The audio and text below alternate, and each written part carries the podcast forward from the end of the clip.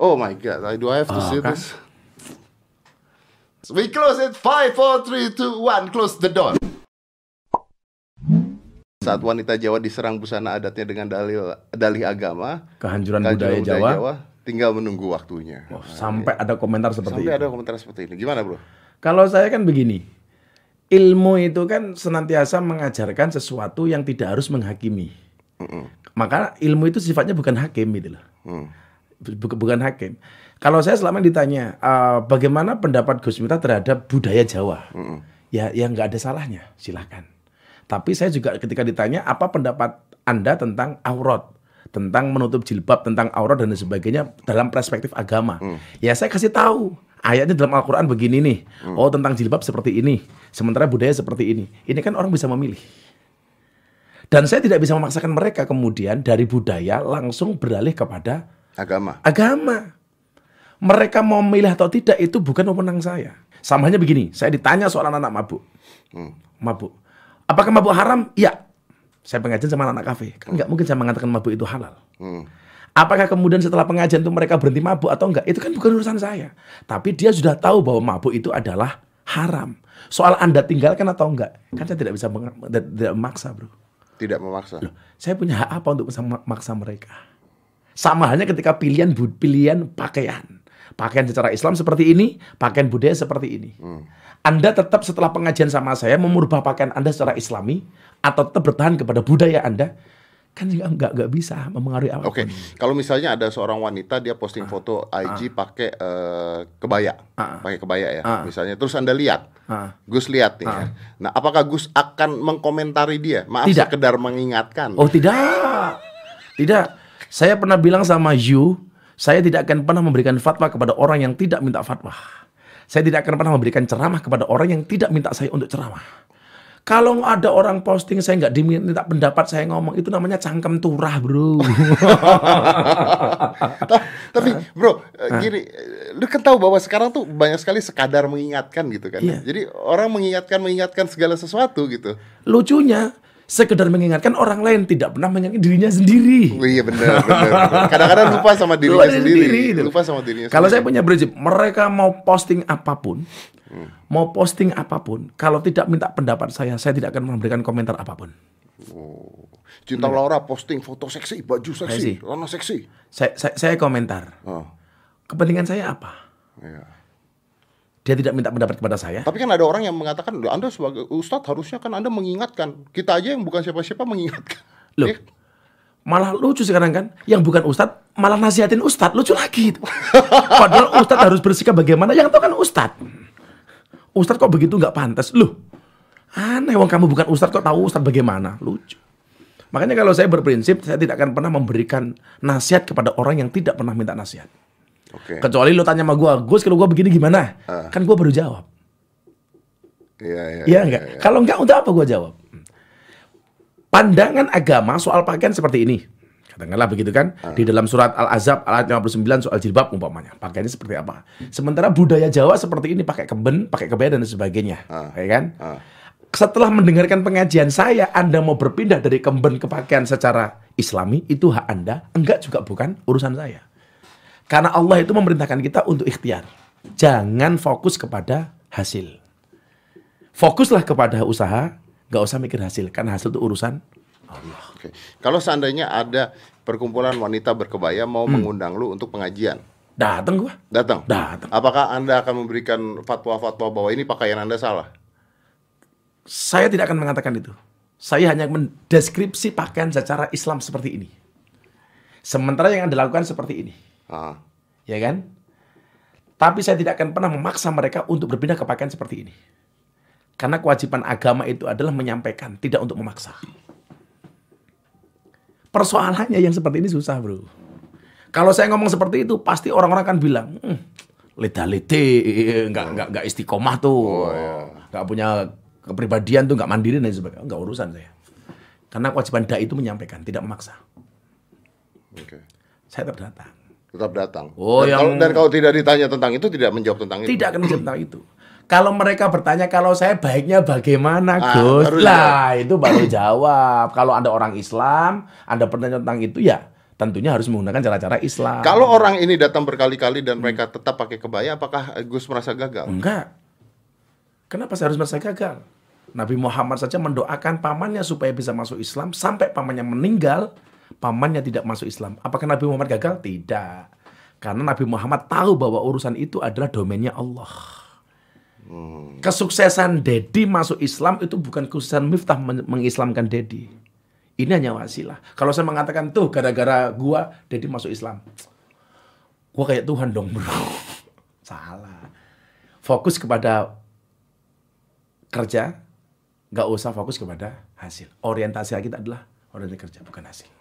Iya, iya, betul, betul, betul. Mereka pengajian sama saya tetap pakai kemben, ya urusan mereka. Dan Anda tidak masalah? Dan saya tidak masalah. Karena partner saya Jibril, bukan Israel. Oke. Karena lu juga bisa aja pada saat pengajian di uh, diskotik atau di klub hmm. malam dan sebagainya, itu kan banyak sebenarnya yang datang lebih seksi dibandingkan itu tuh. Lebih heboh daripada kemben, lebih seksi daripada kebaya. Dan mereka tahu saya tidak harus mengatakan, oi pakaian seperti itu itu nggak boleh. Mereka tahu. Kewajiban berjilbab, nggak usah saya ngomong berkali-kali. Mereka tahu. Ini menarik, menarik. Iya. Jadi mereka juga Kayak tahu. begini, iya. alkohol haram. Mereka tahu nggak? Tahu. Tahu.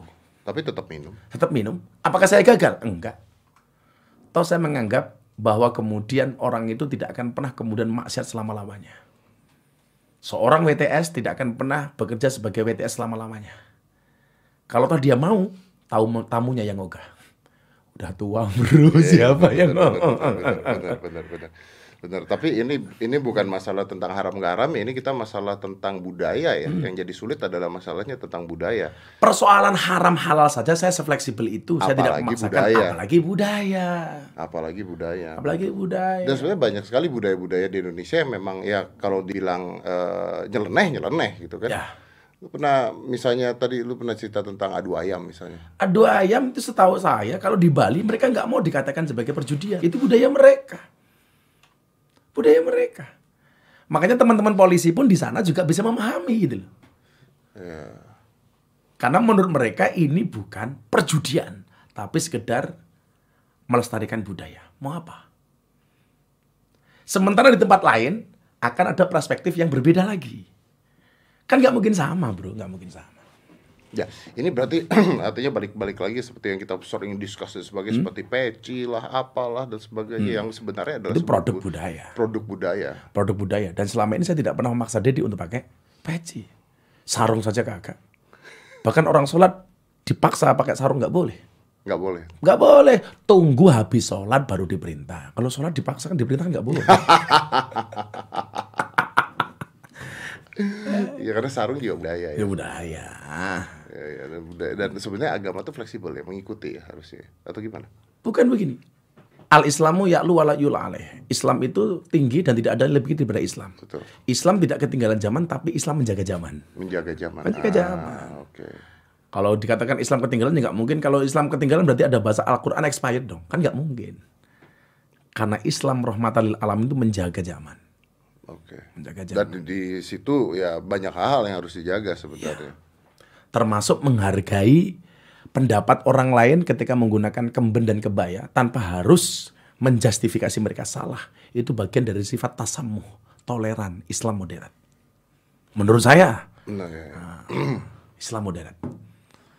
Dan itu jauh lebih mahal daripada kita harus memaksakan mereka untuk mengganti pakaiannya menjadi sesuai pakaian secara Islam. Sebentar, uh, Gus baru saja mengatakan itu Islam moderat. Hmm. Sedangkan banyak orang yang mengatakan Islam moderat itu salah. Kan? Saya paling nggak suka ketika orang menafsirkan ayat dan dia mengklaim bahwa tafsirnya adalah yang paling benar. Sekarang pertanyaan saya, saya menafsirkan ayat, orang lain menafsirkan ayat. Di mana orang menafsirkan ayat? Tafsiran siapakah yang paling mendekati apa yang diharapkan oleh Allah? Kan nggak ada yang tahu. Nggak ada yang tahu itu cuman kan tafsir. Maka ahli mufasir pun setiap kali menafsirkan Al-Quran, dia tidak pernah mengatakan ini yang paling benar pendapat saya. Enggak. Enggak ada bro. Itu kalau ada orang mengatakan, ini pendapat saya yang paling benar. Itu jelas, kelihatan bodohnya. kelihatan bodohnya. Nah, jadi gini, kalau gua tanya sebenarnya agama ikut budaya atau budaya yang ikut agama? Dakwah saya adalah membudayakan agama, bukan mengagamakan budaya. derajat agama jauh lebih tinggi daripada budaya. Oke. Tapi saya lagi saya tidak akan pernah memaksa orang yang berbudaya supaya kemudian harus ikut saya utuh soal agama. Karena semua semua itu kan udah pilihan kan bro. Hmm. Apalagi cuma pakaian sih. Soal iman saja orang boleh milih.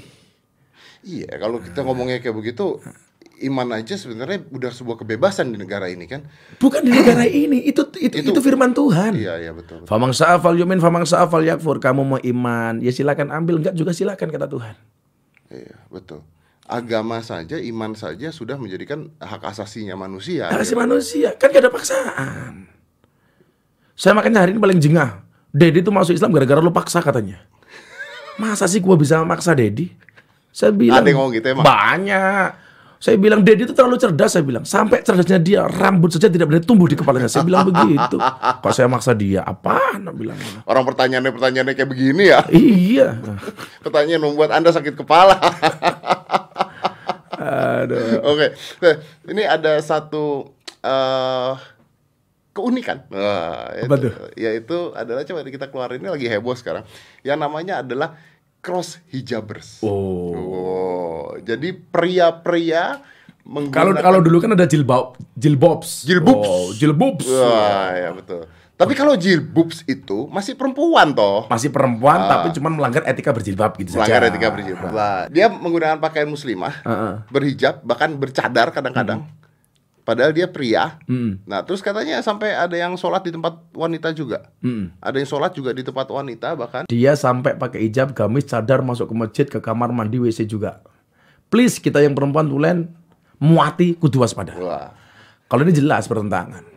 Karena Al-Azhar ayat 59 itu memang perintah berjilbab itu hanya ditujukan kepada perempuan, tidak untuk laki-laki.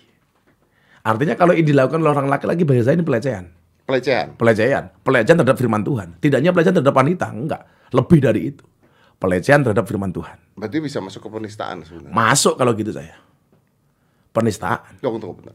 Lu tuh kan orangnya terbuka ya. Mm. Bahkan lu mengatakan lu toleran. Lu mengatakan ah. bahwa lu moderat ah. katanya. Yeah. Kenapa begitu gue bahas ini langsung, oh ini langsung masuk gitu. Kenapa karena lu tidak, so, karena tidak ada toleransinya sama sekali? Karena soal jilbab nas Al-Quran bro.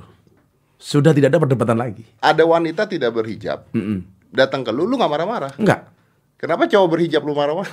karena, karena, kan, karena, kan, tapi kan di Quran mengatakan bahwa wanita nah. berhijab harusnya. Menutup auratnya. Tapi lu lebih toleran terhadap hal itu kan? Iya. Karena bagi saya wanita yang belum ber, ber, berhijab berjilbab itu bagi saya ada proses yang akan mengarah ke sana. oh bisa ya? ya bisa. Kalau ini jelas menghina gitu loh. Iya iya. iya. Nah, perbedaannya di situ. Ini jadi jadi hal yang tidak masuk akal. Tidak irasional. Jadi irasional betul hmm. betul. Jadi kalau orang belum pakai jilbab itu kemungkinan kita nasihati arah menggunakan jilbab itu jauh lebih lebih edukatif, lebih bisa diterima daripada orang yang sebenarnya tahu jilbab itu dipakai oleh perempuan kemudian dia pakai. Itu kan pasti ada niat menghina, Bro melecehkan. Iya, melecehkan. Melecehkan jelas. Ini bahkan mereka ngajak orang-orang untuk berani uh, cross hijaber karena banyak yang nanya, "Kak, kok berani sih sampai keluar-keluar gitu? Kok berani sih ke masjid? Emang nggak ketahuan? Kok berani banget sih? Emang nggak pada lihat ya kakak?" Jadi gini, kalau aku pribadi kenapa harus takut? Kenapa harus ragu? Kalau kalian masih takut atau ragu, mendingan udahan deh nerusin hobi jadi cross ceder apa sih? Cross hijaber. Cross dresser. Oh, oh cross dresser. Cross dresser. Ya sebenarnya berani itu bukan modal ut yang utama, modal yang paling penting itu niat. Karena kalau kita niat, kita pasti bisa dandan lebih maksimal lagi. Jadi ini cross dresser ya. Hmm. No sex. Ah, saya, saya adalah laki-laki. Nah, dia mengatakan saya adalah laki-laki, hanya su saja suka berpakaian wanita. Tapi tadi di kom komennya ada mengatakan yakin saja bahwa kita cewek. Itu kan kayak merubah paradigma, Bro. Kalau hanya sekedar make Oh my god, I do I have to oh, see kan? this? Saya lebih bisa memahami orang yang belum pakai aurat, ya, yang belum nutup aurat, kemudian dia lahan-lahan kita kita discuss. Lebih enjoy saya daripada kemudian ini kalau saya jelas-jelas penghinaan bro. Penghinaan ya? penghinaan kalau saya. Dan ini juga pelecehan terhadap wanita loh. Dia karena iya. dia kan sholat, dia sholatnya mengambil tempat perempuan. Tempat perempuan. Padahal jelas laki-laki dan perempuan sholat harus dipisah. Betul. Jangankan tempat softnya saja tidak boleh laki-laki itu di belakang perempuan. Betul dia membaur, namanya ihtilat kan nggak boleh. Dan lo kebayang nggak? Dia bisa aja loh tiba-tiba mau selfie selfie megang-megang. Dan itu sudah terjadi. Orang pakai cadar, sholat di tempat perempuan, selfie selfie, ditangkap sama takmir ternyata lagi-lagi. Udah terjadi. Sudah terjadi. Lo googling deh, ada tuh. Saya saya saya khawatir saja menduga-duga. Ini awalnya hanya senang-senang seperti itu, tapi ada tujuan lain itu loh. Dia senangnya pakai jilbab, tapi nafsunya tetap seperti laki-laki. Kan bahaya, Bro. Iya, iya, iya. Betul, betul, betul. Eh, Ini nggak ngerti ya, karena kan ini beda dengan dengan cosplayer ya. Coba kalau kalau kalau, lo gak usah ngomong agama dulu, Ah. secara psikologis. Sisi psikologi itu satu, tapi dua sisi kesengajaan juga bisa. Imagine, bayangkan, oke lah, kalau kita lihat sisi psikologi, kita anggap misalnya dia ada gangguan dengan pola pikir, maka kalau secara psikologi bisa dimaafkan dan kita terapi, oke? Bisa diobati. bisa diobati kita terapi. Bagaimana kalau ini disengaja supaya dia bisa masuk ke WC-WC perempuan, supaya bisa nempel-nempel, ending-endingnya adanya pemerkosaan Curi-curi kesempatan. dan sebagainya. Kita nggak pernah tahu loh itu kan. Karena ini nyeremin banget loh. Kita nggak tahu dia cowok apa cewek. Ketika dia mengatakan this is no sex, Nah. kan berarti dia masih normal gitu. Nah, loh. iya. Dia nggak mau dianggap kemudian pakaiannya ini menggambarkan perilaku dia secara Nah. umum. Ah. Ini ini Dan bahaya buat kita juga, Bro. Kalau kita jatuh cinta. Waduh. Jeruk minum jeruk dong, Bro. Saya kan juga punya ya pengajian teman-teman yang yang mohon maaf lah kata orang banci dan sebagainya. LGBT ya berarti. LGBT. Tapi mereka kalau sholat ya tetap normal pakai sarung. Saya larang mereka sholat pakai hijab, pakai mukena. Di Jogja saya pernah bro, sampai hari ini masih ada teman-teman ya semisal Sucipto lah, susu lancip diganjel botol lah. Itu ya ketika sholat sama saya, tetap mereka pakai sarung. Iya. Pernah ikut umroh sama saya, tetap pakai kaifiahnya laki-laki, caranya laki-laki. Bukan kemudian dia seperti itu harus pakai mungkin enggak saya larang. Tapi kan kalau banci juga, kalau banci Ah. juga itu ketika dia berpakaian wanita atau cross dresser itu, Heeh. dia berpakaian wanita yang seksi kan biasanya. Yang kan? seksi. Iya. Bukan berhijab dan bercadar loh. Karena kalau ber kalau kalau jilbab cadar itu kan sudah identitas agama, Bro. Jadi masuk ke pelecehannya di situ. Ya enggak? Kalau kemudian dia laki-laki senang pakai pakaian cewek sekian dan sebagainya. Kan nggak ada identitas agama. Sementara kalau jilbab Identitas cadar agama. itu identitas agama. Jilbab lah. Saya nggak usah ngomong cadar. Jilbab lah kayak yang tadi kita lihat. Itu kan identitas agama. Iya iya iya. Jadi pelecehan terhadap Pelecehan agama. terhadap agama. Nah kalau dia banci pengen mau sholat terus dia pakai mukena gimana? Dulu saya ada Ah. di kafe di sebuah kafe di Jogja itu sholat sama saya pakai mukena. Saya tanya, lu beneran cewek? Kagak.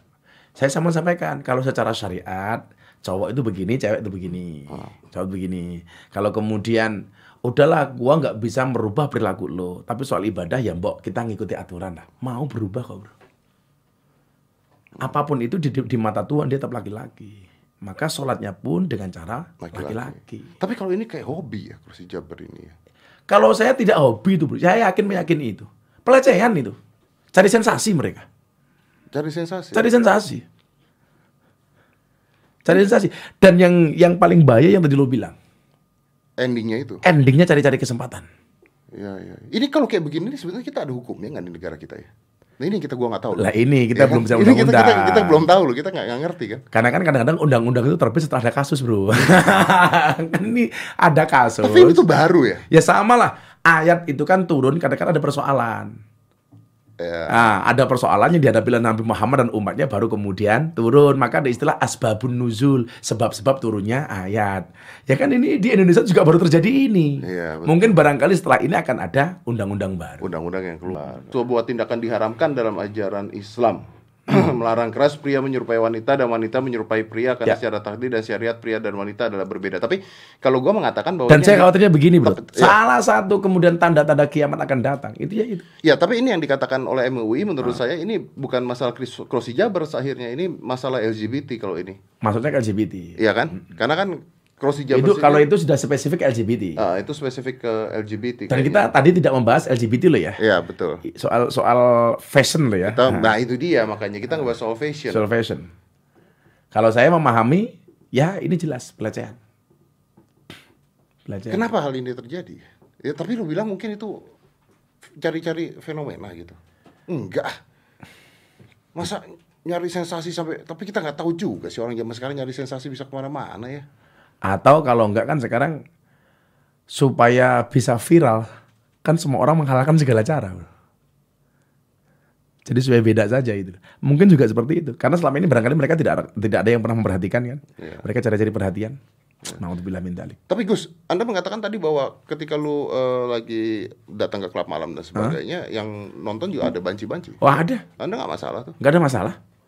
Karena mereka mereka datang kepada saya tidak tidak pakai jilbab, tidak pakai mukena, tidak pakai cadar. mereka berpakaian normal. Oke. Tapi mereka mengatakan bahwa saya seperti ini Gus. Ya silakan itu pilihan Anda. Nah, kenapa silakan? Bukankah secara agama? Karena saya sudah mengajarkan bahwa sebenarnya dalam agama itu seperti ini. Dalam soal hujurat, Allah hanya menciptakan laki-laki dan perempuan. Sudah situ aja. Soal lu mau ngikuti pengajian gua, berubah, Alhamdulillah. Alhamdulillah. Enggak, saya juga enggak merasa gagal. Yang penting saya kewajiban saya menyampaikan sudah ter- terlaksana. Kalau semua yang saya lakukan harus berhasil, waduh ngeri bro. Saya kayak Fir'aun bro. Enggak berani gua bro. Tapi lu pernah digangguin banci nggak? Oh sering, Serius? serius. Kemarin kita di Gang Doli Surabaya, wah datang langsung saya sampai begini bro, maaf ya, banci itu, buat gitu. Mau tak bales cowok. kita biasa.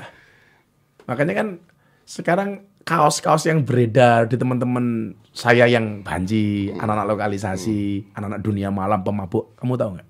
Kalau saya datang pengajian, apa bahasa mereka? Selamat datang presiden para pendosa.